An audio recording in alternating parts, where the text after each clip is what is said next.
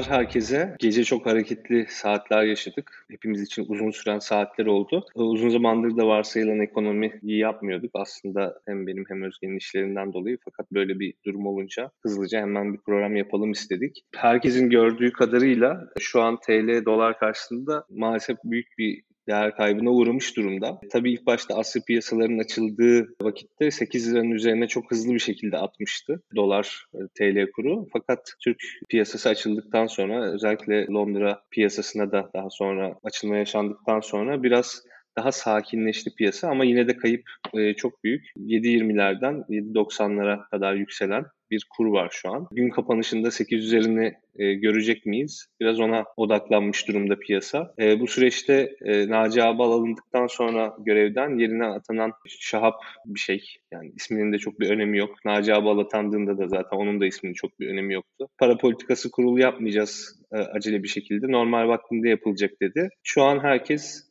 biraz gün içerisinde kapanış ne kadar olacak? Çarşamba günü Tayyip Erdoğan neler söyleyecek? Ve ondan sonrasında da para politikası kurulunda acaba nasıl bir takvim izlenecek diye bekliyor. Ee, bir yandan da şunu görüyoruz. Eski Merkez Bankası Başkanı Yeni Şafak'ın bir manşetinden sonra e, şeye göreve gelmiş bulundu. Ben daha çok sana sormak istiyorum. Çünkü yani burada hani fiyat konuşmak, işte kur şöyle oldu, Merkez Bankası böyle vesaire aslında ya bunları konuştuk zaten çok da konuştuk. Fakat artık biraz da bu işin temelleri ve geleceğe ilişkin böyle uzun vadeli sonuçları üzerine konuşmak lazım. Ee, benim anladığım kadarıyla senin de vurguladığın şey biraz bu güven krizi üzerine. Bize belki biraz bu güven bunalımından ve bunun nelere yol açabileceğinden, neden bu güven bunalımı yaşandığından bahsedebilirsin. Enes, aslında bakacak olursan iki tane iktisatçı olarak bu konuya ilişkin söyleyeceklerimiz ne kadar katma e, değer yaratır e, artık çok da belli değil. Çünkü çok da fazla iktisat bilmenize falan gerek yok şu anki durumu okumak için.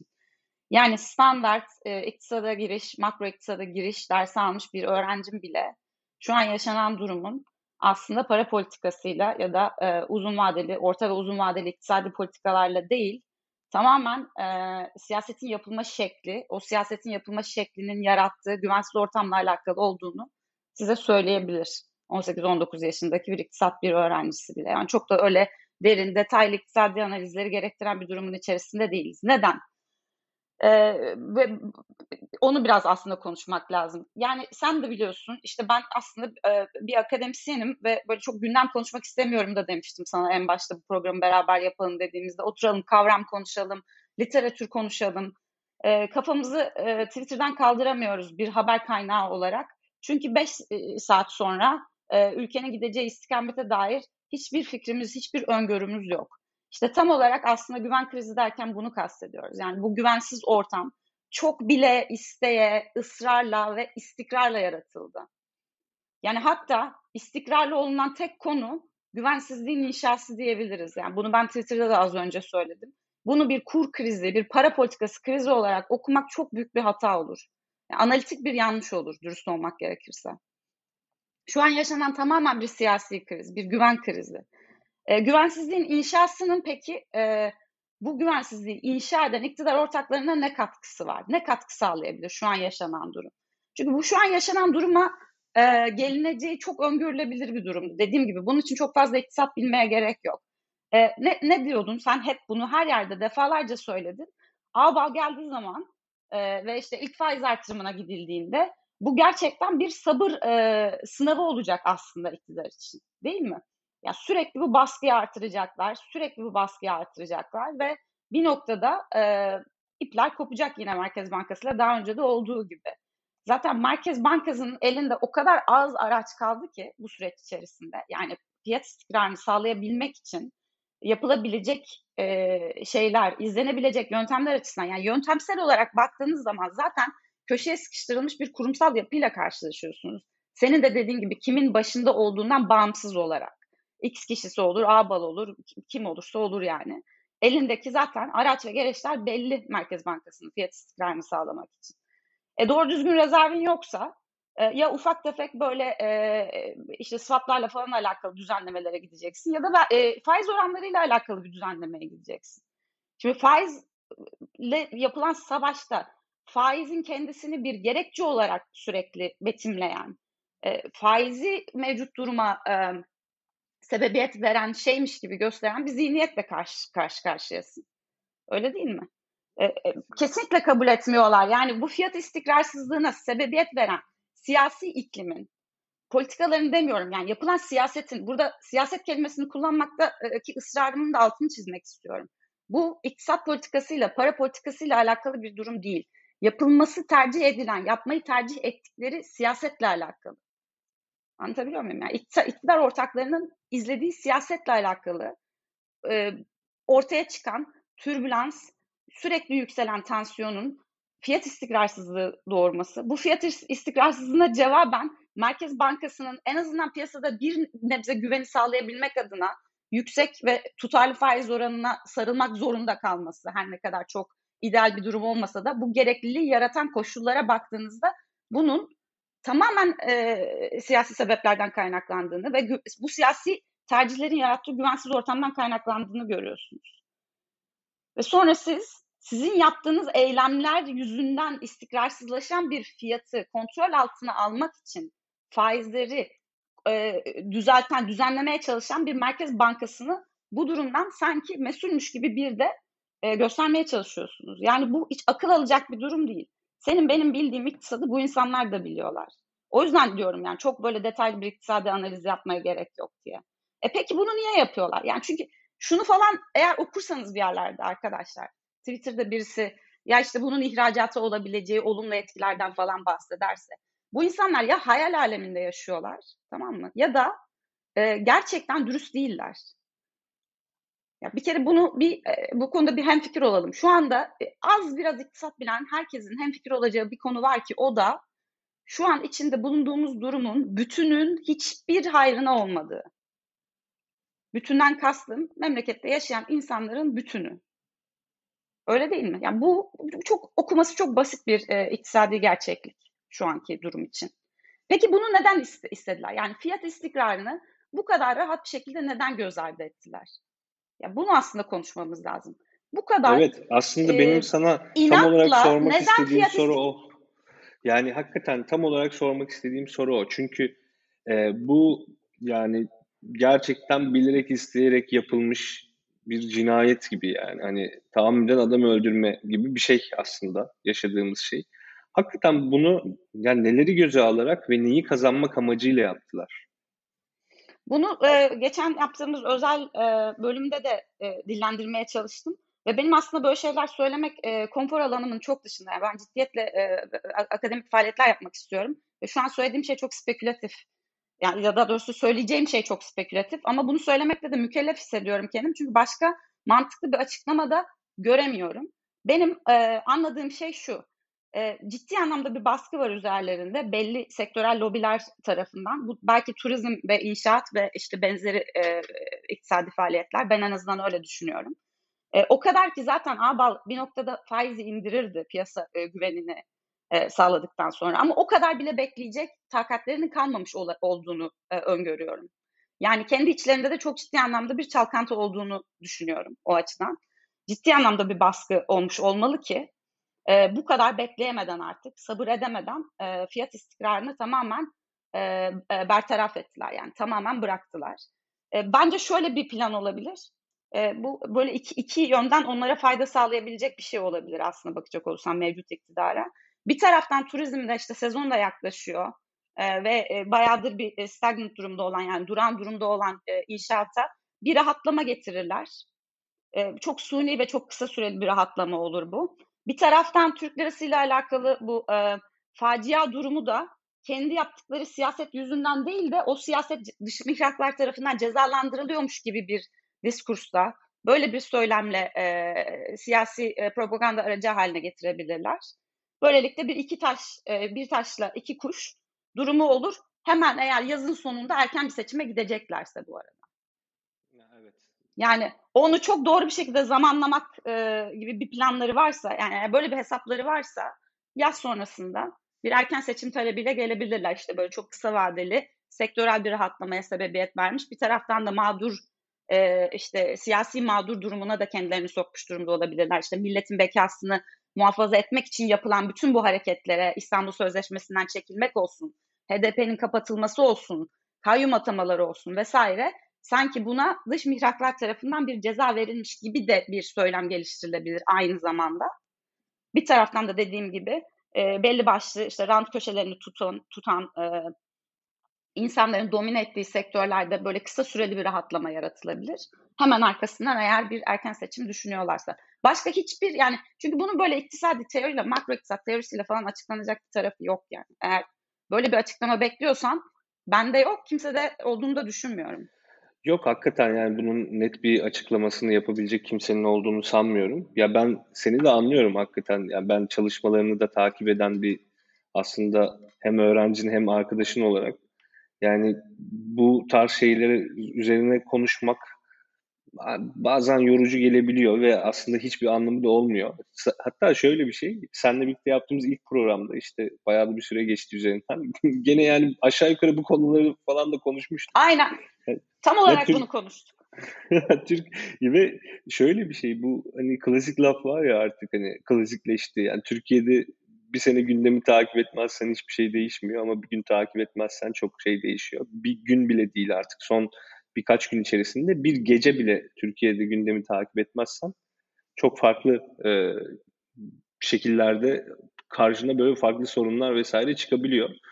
Burada hakikaten bu güven mevzusu şöyle önemli. Şimdi yayına girmeden önce bir şeye denk geldim. Bank of America'nın bir raporunda e, aslında yabancı yatırımcının TL long pozisyonunda olduğu. Yani aslında TL'yi elinde tutar pozisyonda olarak bu krize yakalandığını e, gösteriyordu o rapor, orada bir grafik. Yani bir şekilde o yabancı yatırımcı hani hep diyorlar ya işte Türkiye'ye operasyon yapıyorlar, şöyle operasyon operasyon olsa arkadaşlar yani bu adamların kendilerine bir faydası olur. Bayağı bildiğiniz yani Bank of America, Amerikan Bankası'nın raporundaki bilgiye göre şu an elinde TL tutanlar diyeyim. Hani TL long pozisyonunu öyle açıklayayım. Elinde TL tutanlar, elinde TL tutmak isteyenler bu krize çok kötü yakalandı. En büyük zararı onlar gördü ve yabancı yatırımcı şu an bu durumdan çok zarar gördü. O portföy yatırımcısı falan geliyor gidiyor muhabbeti yaptığımız şey var ya. Ya onun için inanmayın yani bu operasyon çekiliyor, şu oluyor, bu oluyor. Yani operasyon hepimize çekiliyor. Yani yerli yabancı fark etmeden. Ben yani en gıcık olduğum nokta o. Bundan kim kar sağlar? Yok işte kapitalistler mi fayda sağlar? İşte yabancılar mı fayda sağlar? Türkiye ekonomisi üzerine oyun oynayanlar mı fayda sağlar? Hiç kimse fayda sağlamaz bundan. Bundan fayda sağlayacak olanlar Cuma günü gündüzden Cuma gecesi o Merkez Bankası Başkanı'nın görevden alınacağını bilenler sadece bu işten fayda sağlar. Başka hiç kimse bu işten fayda sağlayamaz. Bunu da böylece bilmek lazım.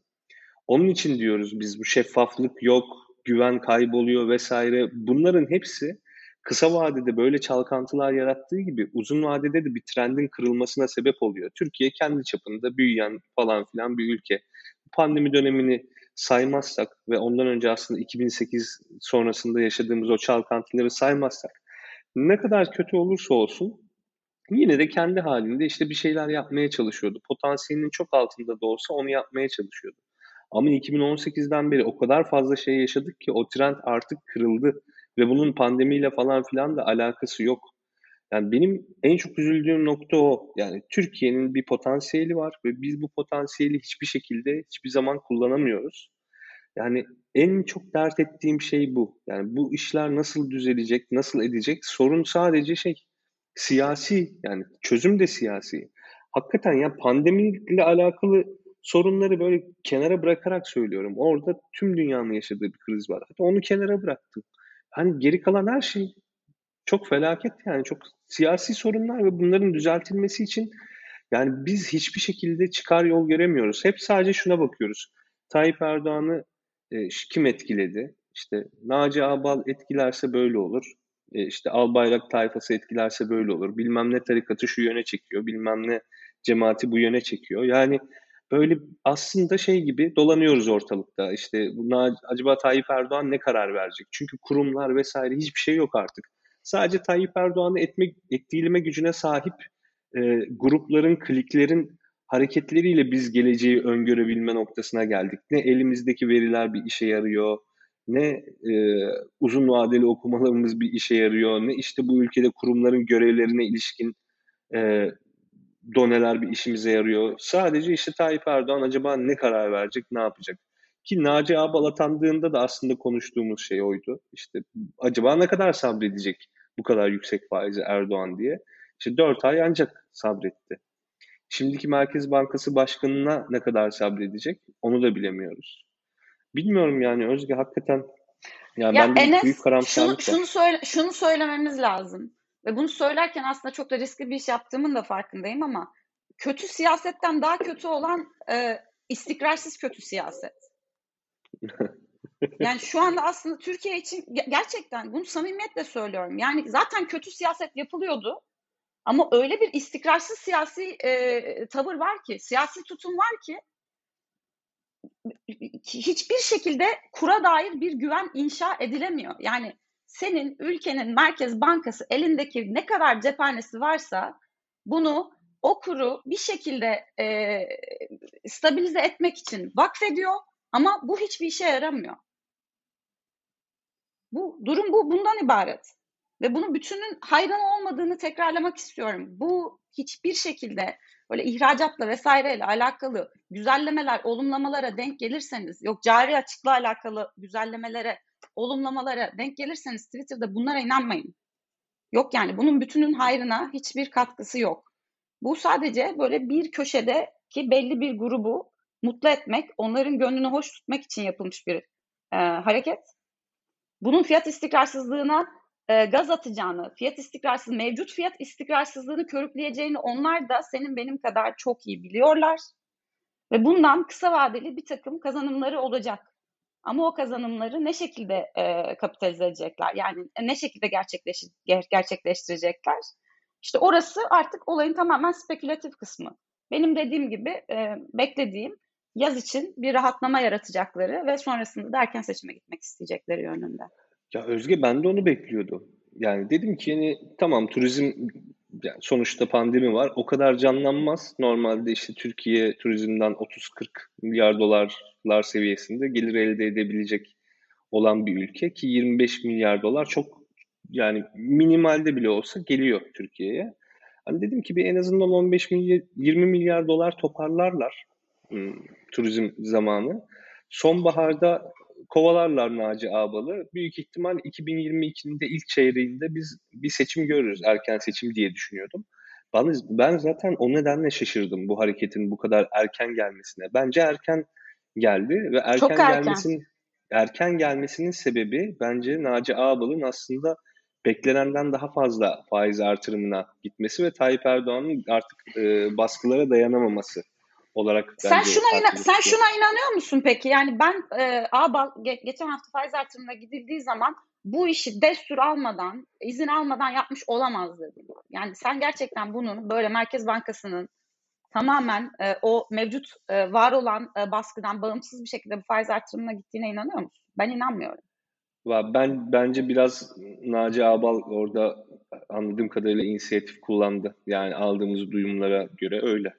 Yani sadece Tayyip Erdoğan'a bilgi vermiş olabilir belki ama anladığımız kadarıyla biraz başına buyruk davranmış olabilir. Ee, yani bizim benim anladığım kadarıyla öyle çünkü yani hatta şöyle bir şey söylendi yani normalde 350 bas puan faiz artırılacaktı. Zar zor güç bela 200 bas puana düşürüldü falan diye Twitter'da gördüm yani öyle şeyler yazılıyordu. Ee, büyük ihtimal orada Tayyip Erdoğan haberi vardı ama e, şey olmadı. E, ne derler? Daha fazla müdahale olamadı. İşte zaten e, sıkıntı şu. Tayyip Erdoğan bu işi bilmiyor. Yani bilmiyor. Bilmediği için ya bilmediği bir konu hakkında yorum yapmak zorunda olduğu için onunla konuşan kim varsa, o an onun aklını çelebilecek olan kim varsa aslında biraz da oraya göre pozisyon oluyor. Onlara göre pozisyon oluyor. İşte biz ne gördük? Merkez Bankası faizi artırdıktan sonra Yeni Şafak'ta kocaman manşet gördük. Yani bu operasyonu siz kime çektiniz vesaire falan diye ve sonrasındaki işte Merkez Bankası Başkanı da Yeni Şafak yazarı. Yani orada büyük ihtimal iş bir gecede tersine döndü. Zaten Türkiye'nin sıkıntısı bu. Yani senin söylediğin şey çok doğru. Otoriter rejimler işte belli başlı kuralları, kaideleri var. Hani otoriterliğin de bir adabı var. yani caizse, e, söylemesi caizse. Burada otoriterliğin de artık bir şeyi kalmamış durumda. Bir düzeni kalmamış durumda. Yani ben, ben şuna adım gibi eminim. Yani Naci Ağbal bu kararı aldı. E, Cumhurbaşkanını da ikna ederek belki aldı. Ama bir gecede iş tersine döndü o Yeni Şafak manşetinden sonra. Yani ben bu noktada hani bir gecede işlerin tersine dönmesi Türkiye son birkaç yıldır bunu çok yaşıyor. Sadece bu arada ekonomide falan da değil. Ya bizim haberimizin olmadığı o kadar çok şey var ki spor, sanat, kültür, işte şu bu yani en küçük alanlara kadar bir gecede işlerin değişmesi aslında Türkiye için olağan bir durum haline geldi artık birkaç senedir. Ee, belki birkaç soru ya bakıp öyle kapatabiliriz. Çok uzun bir yayın olmayacak bu arkadaşlar. Olur. Ben zaten derse gireceğim kusura bakmayın. O yüzden çok... Evet evet ben de şimdi bir e, projemiz var ona kaçmak zorundayım. E, Tarık sormuş. Borsada devre kapatmak mı? Sigorta attı yani bayağı demiş. Borsada devreyi sanırım sabahtan beri üç kez kapattılar. Yani iki kez kapatmışlardı. Biraz önce sanırım bir daha kapatmışlar. Ya borsada devre kapatmak da şu oluyor arkadaşlar. Hani satışı durduruyorsunuz. Tahtası kapandı falan hani artık borsadaki e, işlemleri durdurmuş oluyorsunuz ki çünkü çok fazla satış yapmak isteyen var. Satış yapmak isteyen çok ama alış yapmak isteyen de yok. Yani alış yapmak isteyen olmadığı için e, ortada kalıyor aslında o hisse senetleri ve birden çok fazla düşüyor. Şimdi burada da şöyle bir sorun var. Şimdi bazı şirketler var zaten köklü. Zaten işte yıllardır var ediyor kendini. İşte bilançosu sağlam şu bu. Bunlar bu krizde düşer ama ileride toparlama potansiyeli olan şirketler. Ama bazı hisse senetleri yani bazı şirketler e, son yaşadığımız dönemdeki bu para bolluğundan dolayı aslında hak etmediği şekilde fiyatlanmış. E, hak etmediğinin üzerinde fiyattan alıcı bulan hisse senetleri var. Onlar bu krizden sonra toparlayabilir mi? Ondan çok çok emin değilim ve zaten borsadaki problem de en çok bu tarz hisse senetlerinden dolayı kaynaklanıyor. Orada belki biraz daha e, dikkatli olunabilir. Ee, Mustafa sormuş, keşke ne olup bittiğini anlamasaydık da bu kadar üzülmeseydik dediğiniz oluyor mu? Benim hukuk için her gün böyle oluyor. Mustafa bir hukukçu. Özgü ben bu soruyu sana sorayım. Evet, kesinlikle öyle. Yani biraz sonra e, derse gireceğim dedim ya işte gireceğim kalkınma iktisadıyla alakalı kolejdeki çocuklara bir takım münazaralar yaptıracağım verdiğimiz makaleler üzerinden. Konu da kurumlardaki iyileşme ve bunun iktisadi kalkınmaya etkisi. Afrika ülkeleri örneklerinden falan böyle bir saatlik bir münazara yaptıracağım çocuklara. Yani okurken resmen sinirden öfke kontrolü yaşı yani öfke kontrolüyle alakalı sıkıntı yaşıyorum. Yani kendi akademik işlerimle bile ilgilenirken yani bunu eminim hepiniz e, e, yaşıyorsunuz. E, çünkü bir orta oyun izliyoruz. Yani teoriyi bilmenin de aslında hiçbir katkısı olmuyor, hiçbir anlamı olmuyor. Yani makroekonomik teoriye hakim olmak şu anki durumu e, anlamlandırmak için gerçekten ne gerekli ne de yeterli bir e, koşul.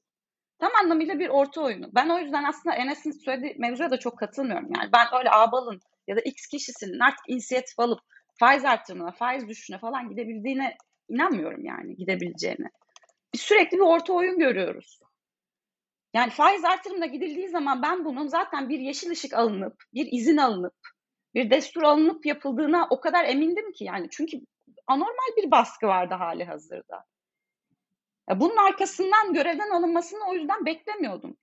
Bir de bunun üzerine görevden alındığı vakit yani o kadar artık aşikar ki fiyat istikrarını istemedikleri.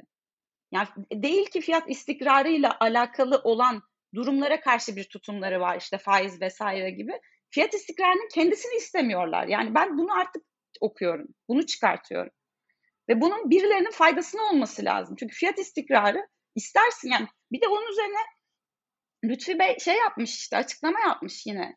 E, bizim için öncelikli olan fiyat istikrar ve finansal istikrardır diye.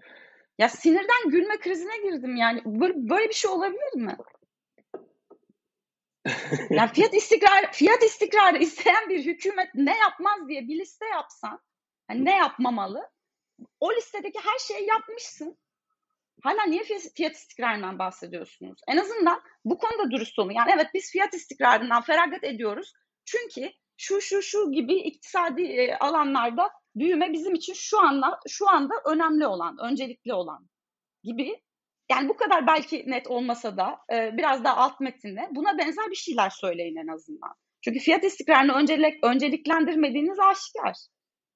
Yani orada ee, hakikaten durumlar karışık. Yani Özge şey var. E, bir de liberal kambiyo rejimini uygulamaya devam edeceğiz demiş. O açıklama şöyle bir şey. Yani herkes hakikaten sabaha doğru, ben de gece uyumadım. E, söylentiler, kulis bilgileri vesaire Facebook gruplarında, Discord gruplarında falan filan dolanıyor. İşte acaba bankalardaki dolarlara, eurolara, şunlara bunlara el koyarlar mı? El koymaktan kasıt işte TL'ye çevrilebilir mi? Cuma günkü kurdan. İşte başka türlü sermaye kontrolleri yapılabilir mi? Hani bu söylentiler o kadar yaygınlaştı ki e, Hazine ve Maliye Bakanı bu açıklamayı yapmak zorunda kaldı. Yani biz bir şekilde dalgalı kurdan da vazgeçmiyoruz. E, herhangi bir şekilde yani bu paralar öyle TL'ye çevirme falan yok. Aslında açıklamanın özeti o. Paralarınız en azından hala güvende tarzında bir şey e, yaptı. Fakat o açıklama bile benim gördüğüm kadarıyla çok teskin edici olmadı. Yani kur çok e, düştü biraz. Hani 7.70'lere falan düştü açıklamadan sonra. Sonra geri hemen zıpladı. Yani sadece bir alım fırsatı vermiş oldu Lütfü Elvan'ın açıklaması.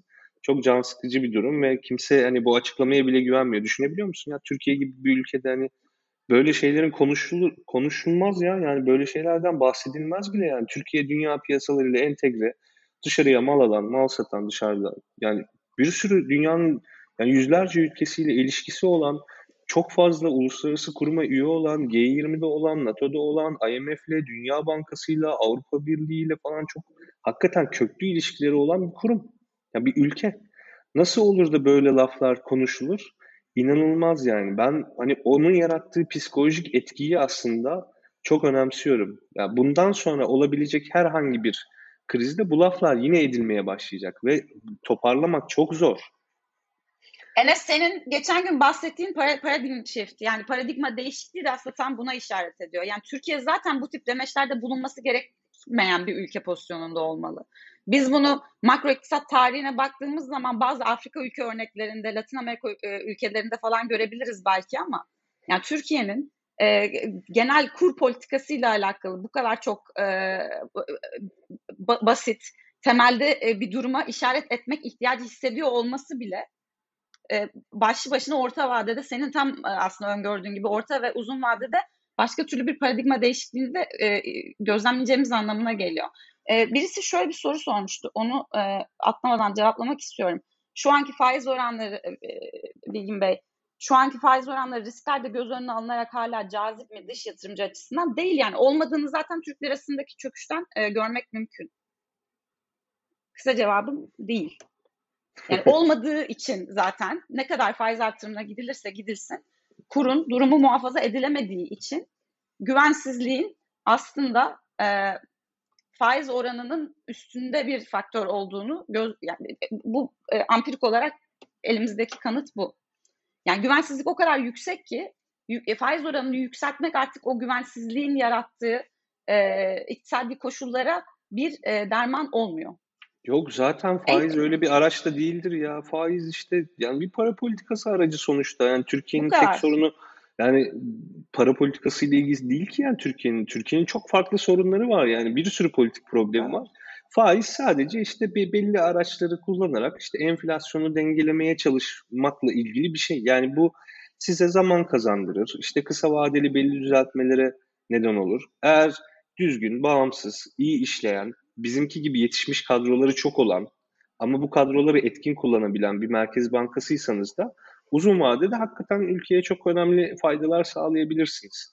Ama eğer e, Merkez Bankası'nın elindeki araçlar siyasetin elinde e, olan araçlarla bütünleşmeye ve aslında beraber hareket etmeye başlarsa işte o zaman böyle sıkıntılar yaşarsınız.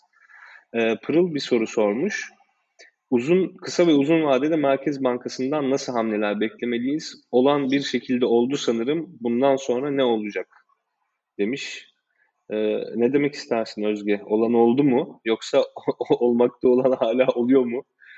Bundan sonra neler, neler olur? Kısa, kısa, kısa vadede bunu dediğim gibi bir, e, öfke kontrolü yapamadığım e, bir esnada Twitter'da da yazdım. Kısa vadede şu anda Merkez Bankası'nın elinde çok böyle ufak tefek swaplarla falan alakalı yapabilecekleri e, hamleler haricinde çok pratikte bir e, araç yok.